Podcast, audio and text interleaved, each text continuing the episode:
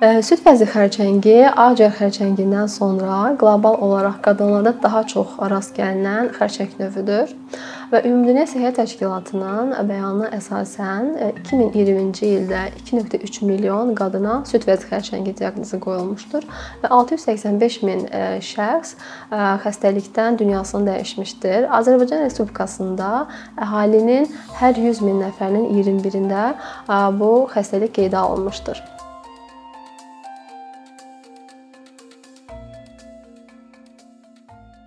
Bir çox faktorlar məlumdur ki, süd vəzi xərçənginin formalaşma riskini yüksəldir.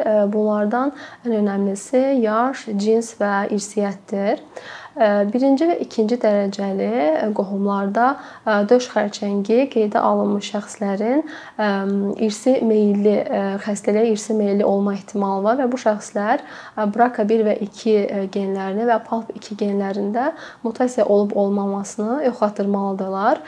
İrsi mutasiyaya daşıyan şəxslər daimi olaraq həkim nəzarətində saxlanılmalıdır, çünki onların xəstəliyə formalaşma riski daha yüksəkdir.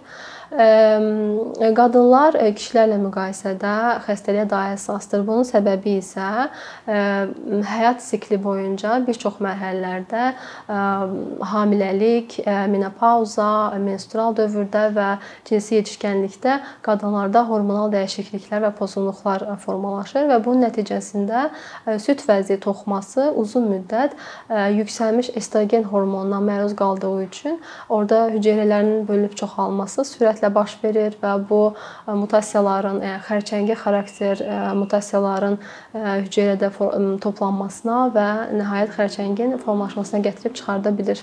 Digər faktor isə yaşdır. Təbii ki, yaş artdıkca immun sisteminin zəifləməsi, orqanların disfunksionallaşması və yan xəstəliklərin formalaşması nəticəsi formalaşması bir növ xərçəngin yaranması üçün optimal mühit yaradır, şərait yaradır.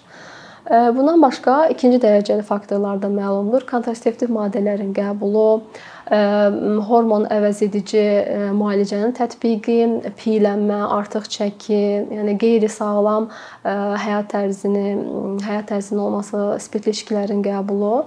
Xəstəliyin müalicəsində ən önəmli məqam təbii ki, xərçəngin növünü təyin etməkdir və burada bir çox klassifikasiyalar mövcuddur. Ən önəmlisi, ən önəmlisi isə xərçəngin morfoloji və molekulyar növünün təyinidir. Morfoloji sinifləndirmə etməyə əsasən xərçəng döş xərçəngi 2 böyük qrupa ayrılır.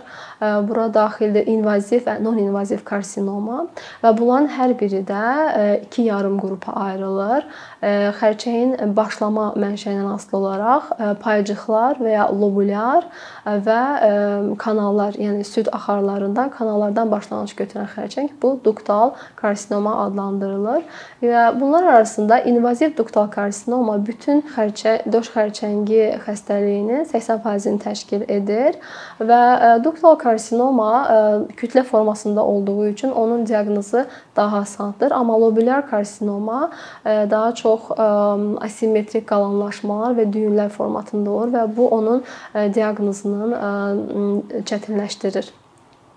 Molekulyar sinifləndirmədə isə daha çox 4 proqnostik və terapevtik markerlər estrogen reseptor alfa, progesteron reseptor epidermal böyümə faktoru 2 və 267 proteini. Yəni bu 4 marker əsasında xərçəngin hansı növə məxsus olduğu müəyyənləşdirilir. Ümumiyyətlə xərçənglərin 70%-də estrogen reseptor alfa ekspressiya edilir. Belə xərçənglər müalicəyə daha effektiv cavab verirlər və daha uzun ömürlü ola, ola bilirlər. Amma estrogen reseptor alfa neqativ profilə sahib olan xərçəng xəstələri yalnız toksik kemoterapiya müalicəsi ala bilirlər. Çünki belə deyək ki, estrogen reseptor alfa neqativ profilə sahib olan xərçəng hüceyrələri sürətlə çoxaldığı üçün qısa müddətdə metastaz verə bilir və onlar üçün müalicə seçimi də çox deyil, yalnız toksik kemoterapiya tətbiq edilə bilər. Xəstəliyin monitorinqi və diaqnostikası ilk olaraq 45 yaşdan yuxarı xanımlarda mammoqrafiya və daha gənc xanımlarda isə süd vəzlərinin ultrasəs müayinə nümunəsini tətbiq etməklə müəyyən etmək olar. Və burada məqsəd isə süd vəzlərində hər hansı bir kütlə varmı, törəmə varmı, bu bəd xəstəlidirmi, xoş xəstəlidirmi? Əgər hər hansı bir şübhəli törəmə olarsa, yəni həmin törəmənin ölçüsü, lokalizasiyası haqqında daha effekt, daha çox məlumat almaq üçün maqnetik rezonans tomoqrafiyası, yəni MRT tətbiq edilir və eyni zamanda xərçəngi toxumadan biopsiya götürülərək onun növünü də müəyyən etmək mümkündür. Bundan başqa qan əsaslı testlər də vardır ki, döş xərçəngi hüceyrələri orqanizmə bir sıra molekullar ifraz edir və bu molekullar marker olaraq istifadə edilir. Yəni CA153, CA 27.29 bu qan əsaslı testlər daha çox müalicə tətbiq edildiyi mərhələlərdə yoxlanılır. Müalicənin effektivliyini anlamaq üçün əgər qandakı onkomarkerlərin miqdarı azalırsa, bu o deməkdir ki, müalicə effektivdir və döş xərçəngi hüceyrələrinin bölünüb çoxalması dayanmışdır. Yəni süd vəzi xərçəngi ilkin mərhələdə diaqnoz olunduğu zaman xəstənin yaşından və onun istəklərindən asılı olaraq süd vəzlərinin mastektomiyası həyata keçirilir.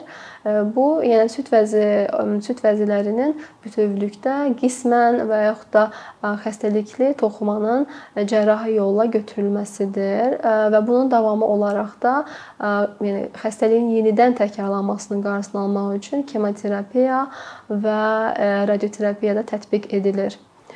Daha sonra əgər xəstəlik ağır mərhələlərdə, yəni artıq digər orqanlara yayıldıqdan sonra, metastaz verdikdən sonra diaqnoz olunarsa, cərrahi müdaxilə mümkün olmadığı üçün yalnız sistemik müalicə üsulları tətbiq edir. Sistemik müalicəyə kemoterapiya, hormon hormonal müalicə və immunoterapiya daxildir. Kemoterapiya spesifik olmayan müalicə vasitəsidir. Yəni orqanizmdə sürətlə bölünüb çoxalan xərçəng hüceyrələri ilə yanaşı sağlam hüceyrələrin də bölünməsini dayandırır və bu səbəbdən xəstələrdə qan azlığı, immun sisteminin zəifləməsi, saç tökülməsi halları müşahidə edilir. Amma hormonal müalicə daha təhlükəsiz müalicə üsuludur və məqsəd isə orqanizmdə estrogen hormonunun sintezini azaltmaq və aromataz inhibitorlar tətbiq etməklə və yaxud da antiestrogenlərlə tamoksifen, fulvestrant kimi estrogen reseptorunu inhibə edərək hüceyrənin bölünüb çoxalmasının qarşısı alınır. Xərçəngin müalicəsində ən effektiv üsul şəxsləşdirilmiş müalicə hesab edilir. Çünki hər bir xərçəng növünə müvafiq gen panelləri vardır və hər bir gen paneli 600-dən çox genə ehtiva edir və bunlar müasir texnologiyalarla yeni yeni nəsil sekvensləmə, fiş test, kimi texnologiyalarla bu genlərin mutasiyalarına baxılır və həmin mutasiyalara spesifik dərman preparatları tətbiq edildiyi üçün daha effektiv nəticə əldə edilir. Bu üsulun mənfi xüsusiyyətləri odur ki, bütün mutativ genlərə qarşı farmakoloji bazarda dərman preparatları yoxdur. Döş xərçəngi diaqnozu qoyulmuş yəni insanlar mütəmadi olaraq psixoloji dəstək almalıdırlar və beynəlxalq təcrübədə xərçəng xəstələrindən ibarət kamplar yaradılır və burada yəni xəstəlikdən xilas olmuş şəxslər öz təcrübələrini bölüşür və bu onların bir növ xəstəliyi daha asanlıqla qəbul etməsinə və motivə olmasına köməklik göstərir. Döş xərçənginə qarşı mübarizədə diqqət yetiriləcək ediləcək bir çox sahələr var, hansı ki, ictimai maarifləndirmə, ölkədə səhiyyənin inkişafı, həşə xəstəliyin qarşısının alınması, diaqnostikası və müalicə vasitələrinin təkmilləşdirilməsi istiqamətində elmi tədqiqatların aparılması İctimai maarifləndirmə məktəb çağlarından başlamalı və tələbələrə aşılanmalıdır. Araşdırmalar göstərir ki, yəni orta və ali təhsil müəssisələrində sağlamlıq haqqında təhsilin bir fənn olaraq tədris olunması, yəni ictimai maarifləndirmənin çox böyük hissəsini təşkil edir. Yəni ixtisasdan asılı olmayaraq hər bir fərd, siyasətçi, iqtisadçı öz orqanizmini tanımalı, hansı həyat həyati risk daşıyan xəstəliklər var, buna qarşı necə mübarizə aparmaq lazımdır? Hansı tezlikdə həkim müayinəsi müayinəsinə keçmək lazımdır? Nəyə görə sağlam həyat tərzinin önəmini, yəni hər bir şəxs anlamalıdır. İnkişaf etmiş ölkələrdə süd vəzi xərçəngi ilə mübarizə aparmaq məqsədli bir sıra dövlət və qeyri-dövlət xeyriyyəçilik təşkilatları fəaliyyət göstərir və toplanmış yardımlar hesabına həm toplanmış yardımlar hesabına xərçəng sahəsində aparılan tədqiqatlar maliyyələşdirilir, xəstələrə maddi, psixososioloji dəstəklər edilir, müxtəlif seminarlar, workshoplar hazırlanır kütləvi mediada, sosial şəbəkədə, yəni müxtəlif formatlarda təbliğatlar həyata keçirilir, informasiya güşələri yaradılır. Və 1980 1985-ci ildən etibarən Amerika Xərçəng Cəmiyyətinin təşəbbüsü ilə hər il oktyabr ayı e, Milli Süd vəzi xərçəngi maarifləndirmə ayı olaraq qeyd edilir və çəhrayı e, çəhrayı lent, çəhrayı rəng e, süd vəzi xərçəngini simvolizə edir və ay boyunca tarixi binalar çəhrayı rənglə işıqlandırılır və çəhrayı uniformada könüllü şəxslər müxtəlif yürüşlər edir. Xəstəxanalarda insanların onların e, müayinədən keçməsi üçün endirim endirim kampaniyaları həyata keçirilir. Və bu ay boyunca təbii ki, bu xeyriyyəçilik təşkilatları aktiv şəkildə e, fəaliyyət göstərir. Ölkəmizdə də e, ictimai maarifləndirmənin həyata keçirilməsi xəstəliyin erkən diaqnozu və qarşısı alınması üçün çox önəmlidir və bu çox insanın həyatını xilas edə bilər. Bir neçə ildir ki, əkinçi olaraq azərbaycanlı izləyicilərin hər zaman faydalana biləcəyi keyfiyyətli və ən əsas ödənişsiz kontent hazırlamağa çalışırıq. İndiyədək təqdim etdiyimiz onlarla animasiya və yüzlərlə çəkilişlər tələbələrin, mütəxəssislərin, müəllimlərin və ümumiyyətlə yeni mövzulardan xəbərdar olmaq istəyən çox sayda insanın marağına səbəb olub.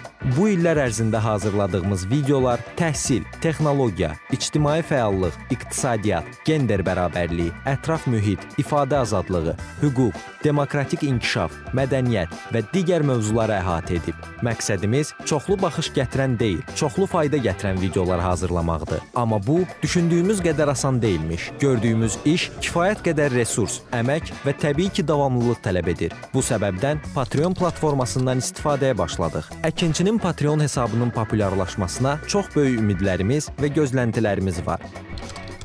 Bəziləriniz Patreon haqqında ilk dəfə eşidirsiniz. Əslində çox sadə izahı olan bir platformadır. Təsəvvür edin ki, siz rəssam və ya musiqiçisiniz. Sosial şəbəkələrdə sizi izləyən, işinizi bəyənən çox sayda insan var. Patreon platforması sizə imkan verir ki, izləyicilərinizin könüllü aylıq ödənişləri sayəsində işinizi davam etdirəsiniz. Sərgi, konsert zallarından asılı qalmayasınız. Amma bu təkcə rəssam və musiqiçilərə aid deyil. Məsələn, əkinçiyə bənzər fəaliyyətlə məşğul olan bəzi layihələrin 10 minlərlə patronu var. Biz də düşündük ki, nə üçün əkinçinin Patreon hesabı olmasın? Sizin dəstəyiniz sayəsində biz daha çox və daha keyfiyyətli kontent yaratmağa davam edə biləcəyik. Amma bu dəstək yalnız maddi dəstək deyil. Dəstəkçilərimizin sayının artması gördüyümüz işlərin faydalı olduğuna dair əminlik verir. Patreon platformasından istifadə çox sadədir. Hesabınızı açırsınız, sizə uyğun dəstək növünü seçirsiniz və Patreon özü hər ayın ilk günü kartınızdan seçdiyiniz dəstək növünə uyğun ödəniş tutur. Bu qədər. Sonda onu demək istəyirik ki, dəstəkçilərin sırasına qoşulmaq istəyən, amma məhdud imkana görə bunu edə bilməyənlər narahat olmasın. Daha öncə dediyimiz kimi, bizim əsas məqsədimiz daha çox insanın hər zaman faydalana biləcəyi keyfiyyətli və ödənişsiz kontentin yaradılmasıdır. Bunun üçün mütləq patronumuz olmalısınız deyə məcburiyyət yoxdur. Amma imkanınız patron olmağa çatırsa və bizim işimizi bəyənirsinizsə, patronlarımızın sırasına qoşulmağınız bizim üçün çox önəmlidir.